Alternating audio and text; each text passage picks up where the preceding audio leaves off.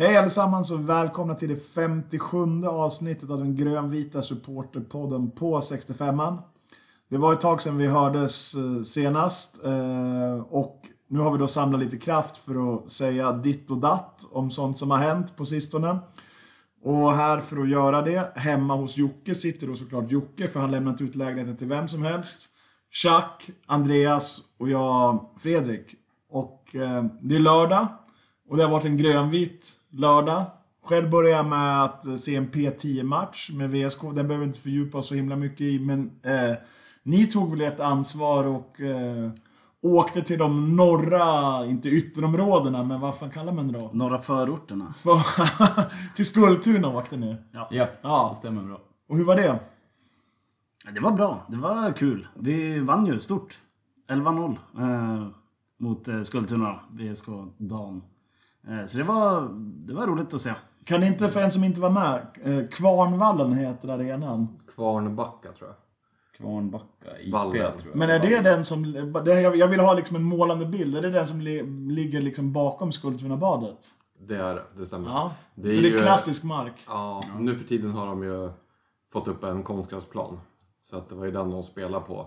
Precis bredvid någon eh, slags utomhusrink för hockey. Och det var väl två väldigt små läktare, det var lite folk där. Eh, påminner väl lite om Råby IP kan man väl säga.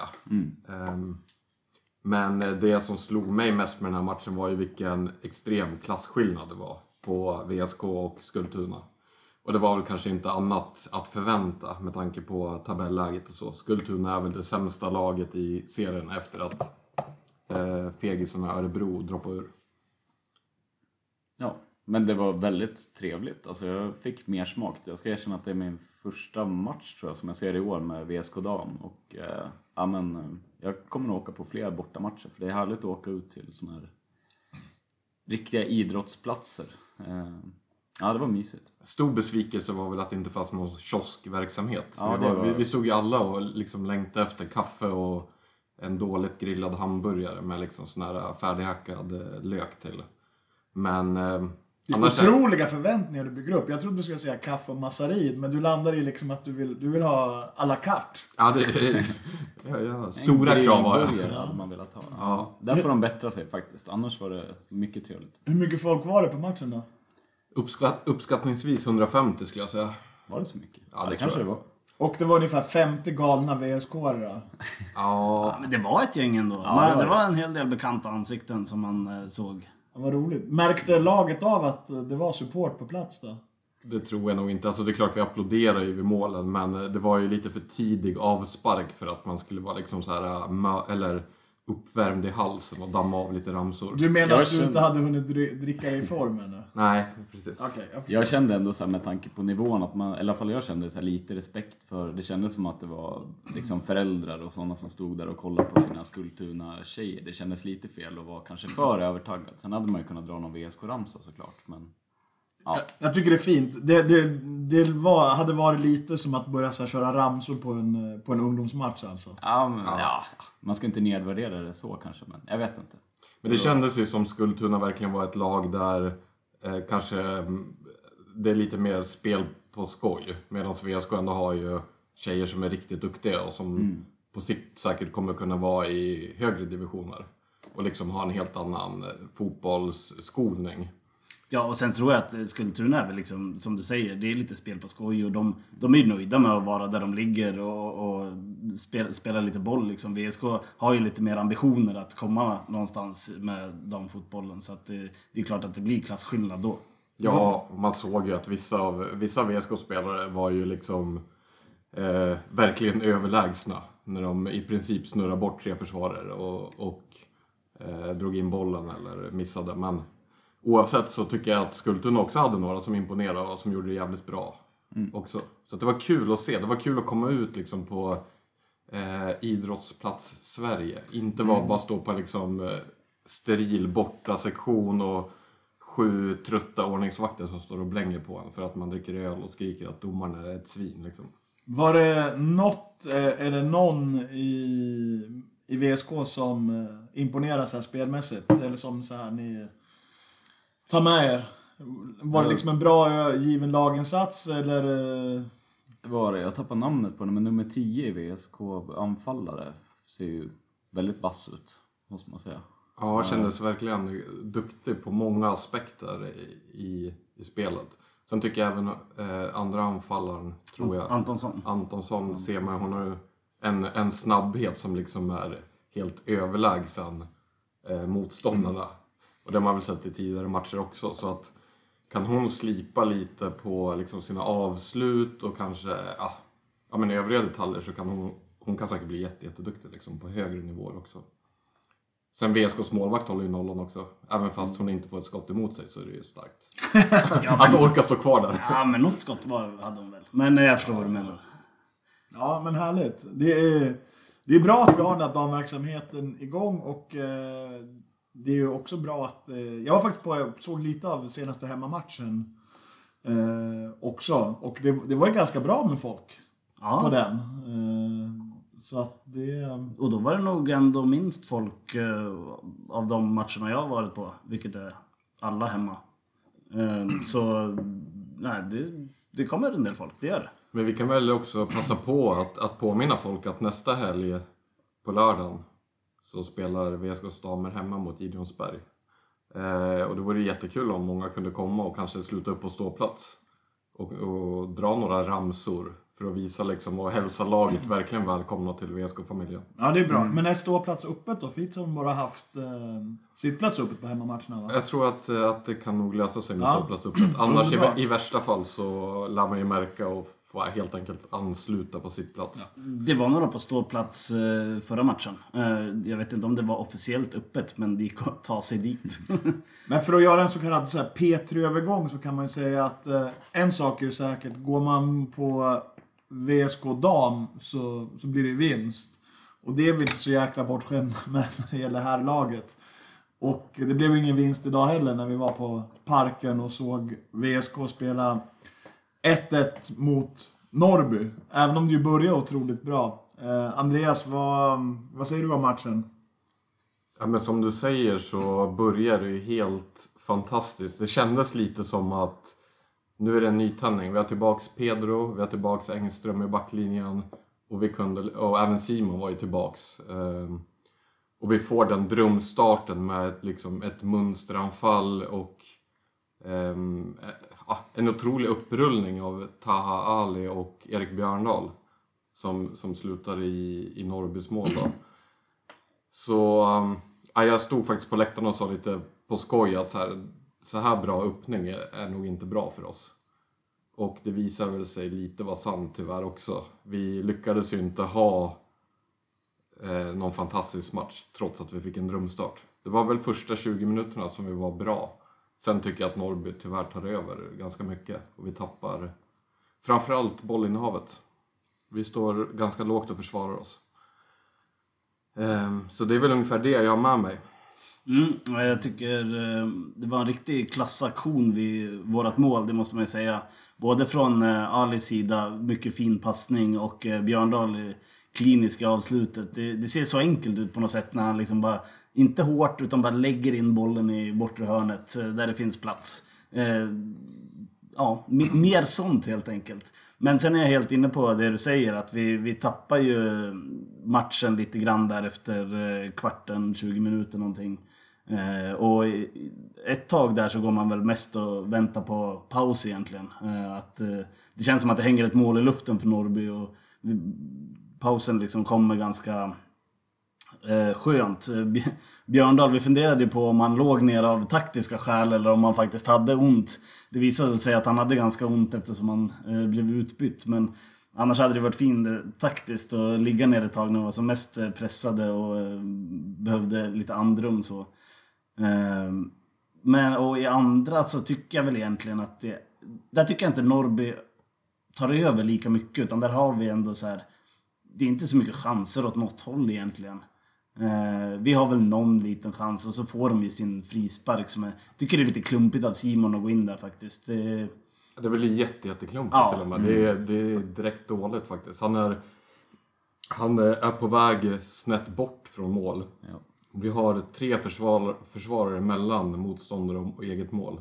Och Simon blir alldeles, alldeles för het och liksom eh, hugger honom i, i eh, bakifrån. Och det är väl en helt solklar Han frispark. gör det ju svårt för domaren att inte blåsa Ja. frispark där och han blåste på ganska mycket annat konstigt också. Så Nej, men jag tror att Simon känner ju direkt att det där var otroligt dumt och onödigt och eh, tyvärr och väldigt typiskt för VSK i år så kostar det oss två poäng. Det är det är så det blir.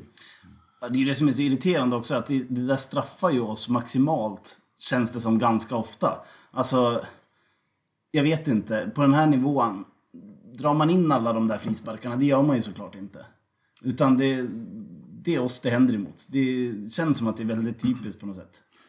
Ja, men nu, eh, om man nu ska liksom så här gräva ner sig just i frisparksmålet så kan man konstatera ett, eh, det är onödigt att dra på sig den på det där viset. Två, muren får gärna hoppa. Och tre, målvakten får gärna kasta sig. Eh, annars blir det ju lätt mål. Alltså det, är, det är ju en helt okej slagen frispark. Men det är verkligen inte helt, helt perfekt. Alltså den är inte superhård, den dyker inte jättesnabbt, den går inte längst ut vid stolpen. Jag tycker liksom att det är... eh, Ja, det sammantaget gör att det känns ändå som ett ganska billigt mål att... Eh, eftersom den kommer ur en icke-situation. Det som jag tycker är eh, nu... Nu hoppar vi väl in på den här taktikpodden och man, ska, man, man slänger in reservationer för att jag aldrig varit i närheten av varit en målvaktstränare och så vidare. Men det som jag tycker är lite konstigt är att Anton ställer upp sin mur för att täcka sitt vänstra hörn. Och sen om du tittar på när, när frisparken slås så tar han ett steg åt det hörnet. Vilket gör att han tjuvar för att kunna ta den i hörnet i vilket han slår den. Men han står ändå helt still. Och antingen vill du ha en målvakt som helt förlitar, förlitar sig på muren och inte behöver ta det där steget. Eller så vill du ha en målvakt som kanske hinner dit och tar den här bollen. Men släpper första krysset så att säga. Um, som sagt, jag vet inte hur man ska agera och så, men det kändes onödigt och det känns som att kanske både muren och Anton eh, har no- någonting att vara missnöjd över där. Utan att kunna sätta riktigt fingret på vad, vad, det, är, vad, vad det är för något så, så är det för billigt känns som. Annars kan man ju konstatera kring så här matchbilden i stort, eh, som vi kan hålla fast lite vid, att eh, jag tycker att i alla fall minst de 20 första minuterna känns ju rätt eh, hoppingivande. Inte bara för det här jättefina eh, anfallet som, som resulterar i mål, utan också vissa av de sakerna som vi haft väldigt svårt med de senaste matcherna följer på plats och fungerar. Och då tänker jag eh, inte minst på att vi ju hade, kunde starta med David Engström och Pedro Ribeiro i, i försvaret. Eh, och jag tyckte man såg, för man, man ska nog inte glömma ändå att eh, Norrby är ett rätt äckligt och jobbigt eh, lag att möta. Alltså de är, de är disciplinerade och väldigt välorganiserade och när de eh, går fram med folk så är de skickliga. Men jag tänkte, de har ändå så här Ivo Pekalski som eh, liksom eh, spelförande mittfältare och de har kvalitet i sina anfallare.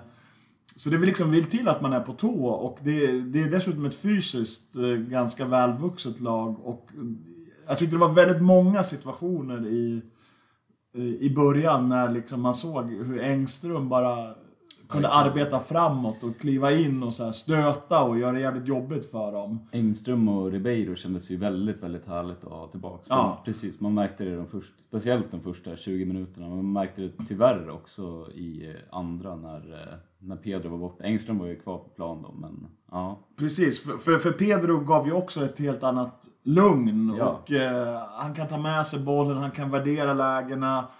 Och vi behöver inte chanslå från backlinjen hela tiden. Nej. Jag tycker att hela trebackslinjen med, jag tycker även att eh, Adolfsson, eh, vår Jeppe, höjer sig och är riktigt bra när han inte behöver vara den Ja. mittbacken som tar ansvar och försöker styra spelet. Utan han mer är, Han mår Eh. jättebra av det. ja, han, han är hård och liksom rensar bort Ja. bollar. Och egentligen, alltså, förutom den där frisparken som egentligen kommer från ingenting och som är kvalitet och möjligtvis lite dåligt gjort av oss, så, så gör ju vår backlinje väldigt bra. De tar bort i princip allting. Och det är väl det som, eh, som i början av serien också kändes jävligt lovande. Att vi var väldigt svåra att göra mål på. Ja. Och då krävs det inte att vi sätter alla våra chanser heller, utan kan vi hålla liksom snittinsläppta kassar på 0,5 så är det svinbra. Ja, på tal om det snittinsläpp. Jag hörde kommentatorn i förra matchen sa väl att, eh, nu minns jag inte de exakta siffrorna, men i början av säsongen fram till en viss match så hade vi 0,8 insläppta mål och sen eh, efter, om det var sommaruppehållet, så har vi liksom så här 2,5 insläppta mål eller någonting. Till och med 2,7. 2,7, ja. ja. precis. Så liksom, det, är- det är en otrolig jävla... Det är ganska tydligt. Ja. Ja. Eh, sen eh, försvaret vet jag, det kan man inte lasta för frisparken heller utan för det är ju... De känns ju som att de är på plats och ändå har hyfsad koll på spelaren så. Eh, och sen eh, det tredje jag tänkte säga eh, om det där är att eh, David eh, Engström, han är ju otroligt bra när han får liksom arbeta framåt. Eh, det, det, hans lite svaghet är väl liksom när de kommer in bakom honom med diverse löpningar och sånt där. Eh, men när han liksom får möta en anfallare eh, och stå framåt, då är han ju verkligen en av seriens bästa försvarare. Det, så är det ju. Ja, men jag känner också så här att... Eh, vi har ju pratat en del om Engström, både i on mic och, och off mic. Och eh, givet liksom med den status han kom till oss, eh, så, så har det väl ändå känts lite som en besvikelse. Har varit lätt att känna det liksom att... um, det har... Det har funnits en känsla av att baklängesmålen har liksom ändå så här kommit i närheten av honom. Och sen så har det handlat om det här med, med skador och att bli borta ganska länge efter olika liksom känningar och så vidare. Men... Så han han har ju fått en del kritik av oss. Eh, men om man ska ge honom liksom... Eh, eh, någon slags rättvisa så, så tyckte jag det blev så tydligt idag att när han är där så, så för han in liksom, en dimension till i försvarsspelet. Och inte minst som ni har varit inne på, så gör han det liksom mycket lättare för dem han spelar med. Liksom. Att han har tagit otroligt ansvar. Så rätt mycket av det här när han kanske liksom har sett ut som han kommer på mellanhand, det har ju också handlat om att han har hela tiden fått vara i farsa för en, liksom en så här nykomponerad backlinje. Att eh, både så här Lagerbielke och Adolfsson har kunnat liksom se bra ut och leverera och rent av liksom så här eh, kunna komma vidare i karriären. handlar ju också om att det har funnits någon där som håller ihop det kring dem. Men det är väl lite så, det- alltså, jag tänker att man kanske haft en lite orealistisk kravbild på Engström, eller jag har haft det i alla fall. Eh, och det som har fastnat i näthinnan har väl varit så här att har- har vi gjort en match så har Engström gjort det jävligt bra i 49 situationer av 50. Men det är den 50 situationen som leder till mål och därför har man kritiserat honom. Medan när vi nu har fått se lite andra spelare komma in och man ser att de gör 42 saker av 50 bra. Då är man jävligt sugen på att få tillbaks killen som gör nästan allt. Du tänker på, eh, vad heter han nu då? Kalle Björklund. Kalle Björklund ja. Ja, men inte bara, inte bara Kalle Björklund, men... ehm, Men allra mest. ja, Om vi nu talar o- backlinje. om vi ska prata om spelare så Kalle Björklund, se- man ser ju att han har vissa kvaliteter. Han är ganska bra... Tycker inte du behöver vara så diplomatisk. Nej men, nej, men där tycker jag på riktigt. Jag Men tycker får, att... Säg vad du tycker om Nej, det. jag tycker att Kalle Björklund ju faktiskt är ganska mycket en katastrof. På den här nivån. Jag, jag tycker att han har... Jag håller med faktiskt. Ja, men Alltså det- han... Eh, det sägs att han ska ha en bra fysik, men jag tycker inte han vinner de här en mot en duellerna. Eh, I... När vi spelar, vad heter det, eftersom vi nu har trebackslinjen så bygger det ändå på att du får boll ganska ofta och den tjongas ju hej vilt. Eh, nej, jag, jag tycker inte han... Sam, samtidigt så är väl vem ska vi spela med istället? När nu inte Pedro kan spela. Alltså det är Absolut. klart att vi har Viktor Sten eller men alltså ja. Nej, nej, vi har, vi, vi har det vi har. Men, men eh, jag tycker att det är rätt tydligt att han inte riktigt håller Nej. för den här nivån och har varit liksom... Eh, det, det blir jobbigt. Jag menar, Adolfsson var ju inte värvad som en startspelare. Han var ju värvad som en backup egentligen. Det är väl lite som eh, i fjol med eh, vår vän... Mikael Jan. Ja. Eh, och det, ja, det kanske, det kanske lyckas varje år att backupen blir liksom en bra back. Men eh, Kalle Björklund tycker jag in... Det, jag tycker inte det ser ut som att han vill spela fotboll på den här nivån. Men det, det som är med det där är ju lite också att det är, så här, det är lite olika förväntningar som man kommer in med. Det, andra, det är det med Engström också, liksom, att vi, vi förväntar oss att han ska vara en närmast allsvensk försvarare. Liksom. Eh, och, men om man plockar någon helt okänd från lägre divisioner, då, eh, då förväntar vi oss inte på samma sätt och då blir vi istället väldigt glada. Även om de presterar på samma nivå båda två. Eh, så, så, så blir det liksom, oh, kanske med all rätta, jag vet inte. Men det är där det, är där det liksom tror jag Men hade du mycket- förväntningar på Kalle Björklund?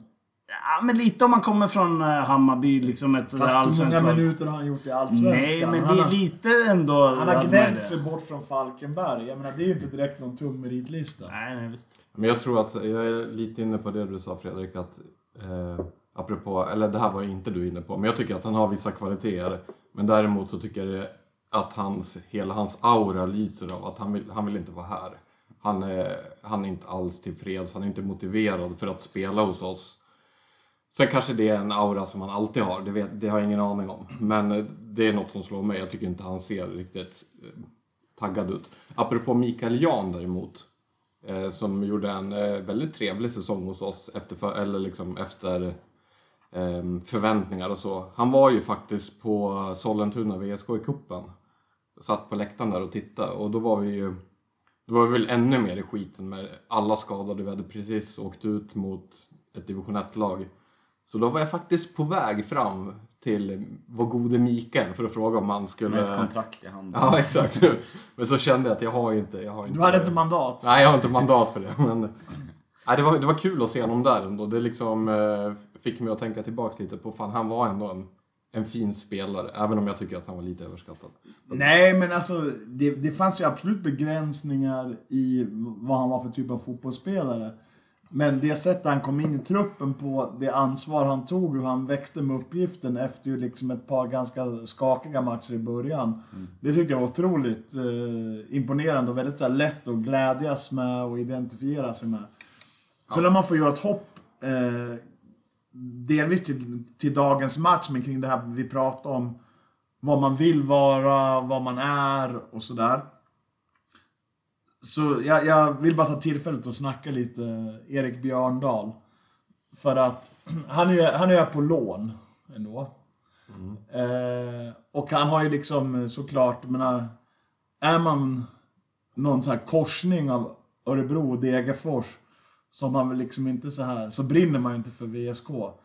Eh, och så kommer man hit och så eh, är man totalt professionell i varenda aktion man gör och eh, visar liksom, lead by example. Och går in i alla närkamper, tar löpningarna. Eh, vill mycket, i varje intervju så liksom, du vet, fan det, det, det är som såna här Tjuren Ferdinand-filmer. Det osar ur öronen för att han är frustrerad när vi liksom inte presterar. Eh, gjort ett otroligt jobb. Eh, jag är sjukt imponerad och eh, ja, det är skönt när man blir så motbevisad. När man tänker att vill vi verkligen ha honom här? Ja, det vill vi väl. Lite motvilligt får man erkänna. Ja, Att, men, eh, det, ja. Ja, men det, det går ju inte att, inte ha blivit motbevisad. Med tanke Nej. på det han har både har levererat liksom på plan men också inställningen som du säger. Att Ja. Han är fan här för att vinna matcher liksom. Och så är, samtidigt är det, liksom, det, det är inte heller det här du vet, larviga poserandet. Du vet, Nej, det är nej. ingen så här pussa klubbmärket eller så här låtsas som att, eh, du vet... Det känns som att han fattar lite så hur läget är och så han ska göra det han ska Ja. göra och det är det han ska koncentrera sig på. Men det är, det är faktiskt det är otroligt imponerande att ha det mindsetet att i det här utsatta läget liksom förstå att eh, den kvaliteten jag bidrar med, den måste vi få ut till fullt och så gör man det jobbet. Liksom, du vet, han hade kunnat gått på 75% men han gör inte det. Han gör ju det för sitt eget intresse också. Alltså, det är ju hans jobb. Så att, det, Jo, alltså, men det är, det är professionellt. det är, ja, Och, absolut. men, men det är, vi Det har är man inte haft- alltid van vid, Nej, precis. det Det är- är många spelare som, eh, som har det som yrke som inte levererar på det där viset. det är sant. Eh, när man ändå är inne på Björndal så kan vi ju också påminna oss själva om att de två senaste målen vi har gjort är Björndal-mål med framspelningar av eh, eh, Taha Ali. Båda från Örebro äckliga SK. Och det som jag tycker är lite, alltså det som det belyser någonting väldigt starkt tycker jag. För att där ser man att mellan de två spelarna finns det kemi. De vet ungefär vart den andra är. Eh, var löpningen kommer och så vidare. Och liksom, det blir så slående i vårt lag att de två har kemi, men övriga spelare då? Jag tycker ofta att vi, det är någon som slår en passning i en yta dit ingen springer. Jag tror att det, det det är svårt att formulera det, men det sätter ändå fingret på någonting att vad fan tränar vi på? Eller vad, vad gör vi liksom? Varför klickar det, så sällan? känns också som att det sätter fel. Det pratade vi om innan, men att eh, alltså, vi har inte, det känns inte som att vi har startat med, med samma manskap i många matcher på raken. Liksom. Alltså, det känns som att det blir så här när vi inte när vi har sålt så mycket spelare. Alltså, vi är ju inte samspelta. Sen är det ju fint att de två hittar varandra, men ja. De har väl inte gjort många minuter tillsammans, kan de inte ha gjort i Örebro heller. Så att, eh, men jag vet inte vad Det, det, kan, vad det beror det, på. det kanske är att de är bättre fotbollsspelare. Ja, så men, det men, men, Det, det var ju det Björndal själv vad jag antydde där i intervjuer. Han sa liksom, ta Ali är en bra fotbollsspelare, då tar man rätt löpningar så kommer bollen. Mm. Så, och men visst, vi har ju liksom eh, lite sådär lät det ju när eh, firma typ Simon Johansson, Karvan Safari spelade ihop och de sa jag vet vilka ytor de kommer på. Men, men jag, jag, jag är nog ändå liksom mer inne på Björndalsspåret här att eh, så jävla många minuter behöver man inte spela med varandra om man är liksom kvalitet. nej, och det är väl inte, vi har väl inte kraven att liksom man ska ha 100% i kemi, men det vore ju kul att se om, om några av våra andra spelare någon gång faktiskt hade hittat med en sån här äh, fantastisk genomskärare till en spelare som redan har påbörjat löpningen. Men det är ju så, Chuck var ju inne på någonting. Men du sa ju så här att eh, vad, vad som händer när man har spelat mycket ihop eller inte. Men vi måste ju säga någonting om det, det som ändå har hänt sen vi poddade senast. Det är väl ändå det som är så här elefanten i rummet när vi ska liksom analysera matcherna. Nämligen att eh, om, man, om man räknar in de långtidsskador vi har haft plus försäljningar så är det väl ungefär liksom åtta tilltänkta startspelare som, eh, som har försvunnit under den här säsongen. Nu vill jag bara påminna dig om att jag tror att faktiskt att vi har poddat om det här utan dig. Så att det är lite problematiskt att du inte verkar ha lyssnat på podden du själv medverkar i ofta. Ja, ja det, det är ju pinsamt. Men Det, vi, det är bjuder, verkligen elefanten i rummet här. vi bjuder lyssnarna på att jag är elefanten i rummet. Och så går vi rast vidare till nästa så här P- P3 Puck. Jag när vi ändå pratar om de här nya spelarna som har kommit in på inlån. Alltså, eh, Saba saknade jag något fruktansvärt idag. Och inte, inte för att han är, jag tycker inte att han verkar vara någon fantastisk spelare, men just den rollen, Ja. någon som tar det här så här grovjobbet på mitten och är jobbig och vinner boll. Eh, ja, det var så välkommet när han kom in och man ser att vi saknade så jättemycket när han var avstängd idag då. Verkligen, för om man tänker på de här inlånen så är väl han liksom den på pappret som ju kanske är minst Ja. meriterad. Ja, och alltså jag tror inte att han är fantastisk. Nej, det är bara att vi precis. inte har någon Men vi annan som behöver har den, den Vi typen. behöver den funktionen Ja. alltså. Och, eh, och han har ju gjort det jobbet. Och Ja, han, och gjort det bra liksom. Eh, för, för idag, man kan ju säga vad man vill liksom, men eh, vi, vi blev rätt öv, översprungna på mittfältet. Och eh, Olle, Vi har ju inget mittfält. Olle Edlund är ju inte direkt killen som står i vägen för folk. Nej, men det är väl det att, att Sabba jobbar i... Han, han jobbar liksom i en yta av 20-30 meter mellan vårt... Lite strax utanför vårt eh, försvarsområde, eller mål... Vad heter det? Straffområde. straffområde fram till liksom fem meter upp på offensiv planhalva. Men han lämnar aldrig heller det området. Men det är ofta, det är ofta där vi saknar spelare annars. Det blir så himla lätt att vända runt över vårt mittfält bara. Du liksom bryter våra anfallare och sen helt plötsligt så är du en pass och så är du fyra mot fyra mot våra backar. Där ligger han och där stoppar han upp på ett sätt som vi kanske inte har någon annan spelare som kan göra. Nej, jag tycker att eh, Kevin Kustovic var ju väldigt bra på att ligga rätt eh, på ett annat sätt. Han, han vann en del boll, men var kanske inte... Jag tycker att Sabba nästan vinner mer boll eh, än vad, vad Kustovic gjorde. Men eh, Kustovic låg liksom på lite samma ställe och eh, såg till att störa och... Eh, Täcka ytor och Ja, exakt. begränsa uppspelen för motståndarna. Ja, Precis. Kan man säga att de opererar i samma ytor? Ja, det kan man göra. Men, men ja, plus att eh, Kustovic hade ju också i sitt, nu, nu opererar han lite ordet för, för dagen eller kvällen. Eh, men i sitt störande kunde han också ofta omsätta det till något ändå liksom så här konstruktivt. Du vet att han, eh, han vann boll och så liksom, det var inte en avancerad pass, men liksom han, gick, eh, han gick framåt. Och det var en större intensitet i spelet. Ja, men, om man ska jämföra de två så tror jag Kustovic kanske hade lite mer fotbolls... Eh, vad ska man säga? Komp- kompetens. Han, han kunde... nej men han kunde sätta lite bättre offensiva passningar medan Saba är ännu mer av en bollvinnare och liksom eh, en fysisk mur som är svår att ta sig förbi. Men det tycker jag man, man får väl också ge lite cred till den sportsliga ledningen för eh, den, det inlånet liksom. För jag antar att det var fler eh, än mig som eh, funderade vad sjutton vi ska ha med en bänknötare från en eh, ja, men konkurrent som också ligger på den nedre halvan i Superettan till. Eh, men helt uppenbarligen så har vi ju ändå eh, scoutat honom bra och liksom eh, insett att det här är vad vi behöver och det är en bra spelare. Med reservation, jag vill återigen slänga in reservationskortet för att Sabba har väl gjort i princip vad han gjort, tre matcher för oss. Det har sett bra ut och man tänker det här kan nog bli ännu bättre. Det kan ju också bli ännu sämre. Men det ser positivt ut, absolut. Ja, men alltså jag är nöjd om han håller den här nivån tycker jag. Ja, jo, jo. Jo. Men jag håller med. Men det, som, med så många som kommer till VSK, det kan börja okej. Sen blir man liksom smittad av det här grönvita... Ja, jag menar, alltså, jag, tror, och jag tror inte att någon tror att han är en fantastisk spelare. Det, det är bara, jag tycker mest poängen är att vi saknar den, den typen av spelare i övrigt. Och det blir väldigt tydligt när han är borta. Liksom. Eh, Jag vet inte om han känns som någon som man skulle vilja värva liksom, för nästa säsong eller så. Eh, Men det känns som att vi verkligen måste ha den spelartypen inför nästa år. Ja. Eh, Kontrakterad, helst inte inlånad. Precis. Jag kan tänka mig att värva honom. Jag tycker att eh, i alla fall hittills har det sett så pass bra ut. Ja, det, jag, jag håller nog med, men det är väl också så här, såklart en, en kostnadsfråga. Och så. Eh, om vi släpper Saba, eh, som inte spelar idag, så har vi ju... Har vi något mer att prata om? Jag tänker lite runt matchen, så här, publiksiffran idag är...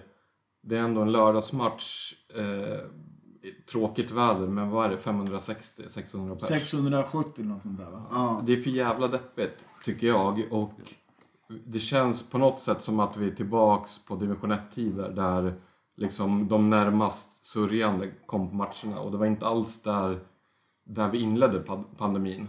Ehm, när, när, när vi stängde ner arenorna så var vi ju i snitt säkert över 2000 tror jag. Och det känns tråkigt att klubben nu måste på något sätt börja eh, försöka vinna tillbaks folk. Givetvis genom att vi vinner, men också tror jag genom att faktiskt påminna folk om att, att fotboll ser man på plats. Och det är väl både klubben och vi som går ansvar att, att göra det tror jag. Jag tror, där har man nog ett jäkla jobb att göra. Jag tror faktiskt inte alls att det bara hänger ihop med att det har gått knackigt sportsligt. Utan jag tror att det är som du säger, att det man får ta det här som en liksom omstart. Och folk har liksom tappat sina gamla rutiner och nu måste man börja påminna folk igen om att så, ah, men, kom och se fotboll live. Nej, men jag, jag, jag tror att om, om man ska vara lite snäll mot eh, VSK så tror jag att det här är ett allmänt problem. Alldeles oavsett om det handlar om eh, landskamper eller teaterföreställningar eller vad som helst.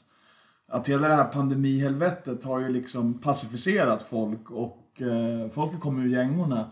Jag menar när Sverige mötte Spanien nu på, på Friends så tror jag... Eh, siffrorna kan jag kanske ha fått lite fel, men min, min, eh, min spaning är att man fick ta in 17 000 och eh, det var inte slutsålt förrän samma dag. Och det är ju ändå otroligt ovanligt. Det här är en match som liksom i den normala tideräkningen innan pandemin eh, hade liksom sålt slut de här 50 000 biljetterna månader i förväg. Så det visar liksom att eh, det kommer ta ett tag innan folk är på banan igen. Jag tror inte det kommer bli liksom varken fullsatta salonger eller läktare, liksom kultur eller fotboll, bara för att. Visst, det finns vissa så här publiklag som kan lyckas med det, men jag tror att det kommer vara tufft. Eh, Så det är som bakgrund. Men, men sen så finns det absolut mycket, mycket mer som VSK kan göra för att försöka locka tillbaka. Det fanns det redan innan Publiken. kom, Precis. att det- Men, Eh, det- men det kanske blir, eh, om man tänker på den här säsongen är vi väl fast med liksom eh, entrépriser som vi har satt. Men om man får skicka liksom en passning till styrelsen så vore det ju väldigt önskvärt att kanske sänka priserna och framförallt försöka locka barn och ungdomar med gratis plåtar för att liksom bygga upp den här publikbasen igen. Eh, Så att det inte både är att vi har slutat gå på fotboll, men det är också så här, det kostar 250 spänn att se VSK spela 0-4 mot Helsingborg. Det, man, måste, man måste tänka till kring det där, tror jag. Priserna för vuxna, det har säkert massa olika förklaringar till att man har satt dem så högt. Ja, det kanske är lite extra högt just i år. Men eh, jag var faktiskt inte medveten om att det kostar, vad sa ni, 40 eller 50 Ja, spänn 40. för barn över 6 år att gå in. Precis. Det är bara barn under sex år som går in, in gratis. Så att liksom också om man tar med sig sin tioåring så får man, får man betala. Och eh, samma sak om du vet en 10 eller 11-åring själv vill gå på Ja. och kolla på fotboll. Vilket inte är helt det är inte alls orimligt. Nej, det, det gjorde jag i den Ja. åldern. Liksom. Då cyklar man ner. Ja. Och då kunde man vifta med sitt VSK-fanskort och så Mm. gick man in. Det var både identitetsskapande och eh, gratis. Så det finns massa... Ja, det tycker jag är bedrövligt faktiskt. Att man, bara, bara kortsiktigt och korkat att man försöker ta pengar från små, ta pengar från små barn. Och jag, jag tror man måste tänka på att eh, den, den tilltänkta publiken, målgruppen, den utgörs ju inte av personer som, som oss, som vi som sitter här, som är liksom engagerade. För att, jag menar, jag blinkar ju inte. Utan jag, om mina unga säger att de vill gå på fotboll, då går jag in och så köper de där biljetterna och lägger den där extra hundralappen. Och sen så går jag och köper lite så här snacks åt dem också. Men jag tror man måste liksom vara liksom verkligen realistiskt medveten om att om en unge säger att jag vill gå på fotboll och så kollar någon som inte är så engagerad bara, ja men shit, det är tre barn och så blir det 150 spänn och så ska de ha liksom snacks. Då är det liksom helt plötsligt lika mycket som att gå på bio. Då kommer det i ett annat ljus. Ja. Jag är faktiskt inte heller medveten om det. Jag kan bara instämma. Att jag, det, det bör ju ändras omgående. Jag levde i tron att det var som vanligt, höll jag på att säga, att man under 15 så går man in gratis.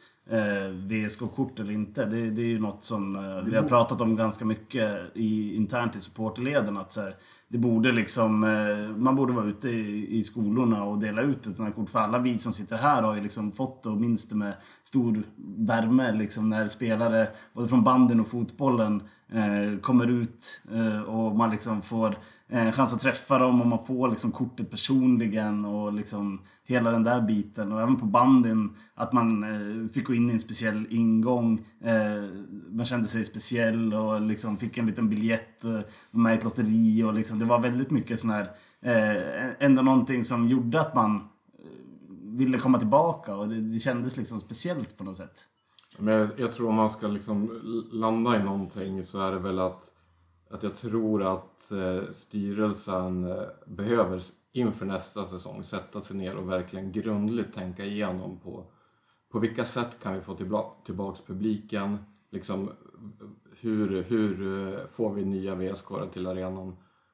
Så att man inte bara i en liksom axelryckning sätter nya priser. För det, det kan det påverkar ganska mycket. Jag tror att man behöver ha en strategi som, som är ganska genomarbetad och genomtänkt där. Så att, vi får väl ha lite över, eh, lite förståelse för den här säsongen som är väldigt speciell. Men till nästa år måste det liksom ske bättring på, på de här bitarna.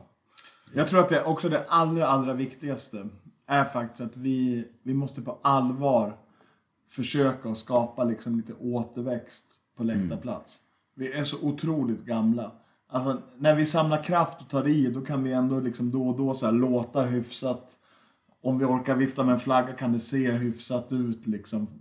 Men det är ju deprimerande att vi är samma skara eh, sen decennier faktiskt. Och jag menar, jag är lite äldre än vad ni tre är. Men det är fortfarande så att vi ändå kvalar in som på något vis eh, de, de yngre. Och eh, då tror jag det blir väldigt viktigt att, eh, att på ett självklart sätt inkludera liksom kidsen i det här. Eh, med allt det där sagt, nu har vi gnällt lite, men det hände ju också något väldigt fint tyckte jag idag på, på parken i, i halvtid. Jag vet inte om ni noterade det, men då, då spelades ju en, eh, en låt, Until We Meet Again, eh, som ju de flesta som, jag vet, som, som lyssnar på det här vet handlar om eh, Mikael Axberg, Milton, som ju lämnade oss för tre år sedan. Eh, och som eh, nu har tillägnats en, ja, en jävligt bra indieslagdänga. Precis. Eh, St. Jimmy Sebastian Cricket Club har gjort en väldigt, väldigt fin låt. Eh, jag tycker både låten är alltså, fantastisk. Jag kan, kanske är liksom partisk, men jag tycker att låten är otroligt bra i sig. Liksom. Och sen uh, den betydelsen den får för mig och för oss är ju liksom... Ja men det, det, Jag vet inte, det är svårt att sätta ord på. Jag, jag tycker... Jag tycker den är väldigt bra och den är väldigt fin. Det blir en fin, värdig hyllning till Milton. Eh, så, ja, all heder till, till En- det bandet alltså. En jättesnygg video också.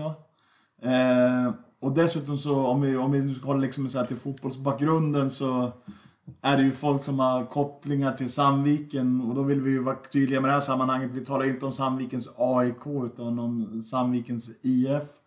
Som ju har liksom en vital, eh, anglifierad supporterkultur. Ibland så brukar ju vi fråga oss själva hur fan orkar vi hålla på trots att vi är så jävla dåliga. Och då tycker jag väl också man med viss respekt kan tänka att de orkar också hålla på. De är faktiskt snäppet sämre än vad vi är. Eh, För tillfället i alla fall. De är, ligger väl rätt bra till i division 1 norra och vi ligger inte alls för bra till i superettan. Så att, För de eh, som säger samma Snart- sak om oss. Ja, de snart, snart möts vi, men liksom det, det, det är liksom en traditionsförening. Eh, det är också en arena där man spelade VM 58, precis som Parosvallen. Det, det finns någonting i allt det här och det möts i, i Milton. Så jag tycker vi kan väl runda av med att lyssna på en liten sväng av den här låten och så, så säger vi redan innan, som vi brukar göra, Heja Sport! Heja Heja sport! sport. Heja sport!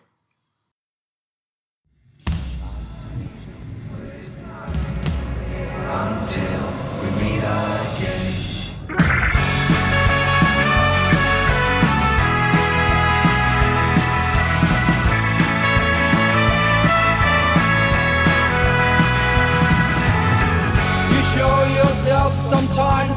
light grey sketched out dreams.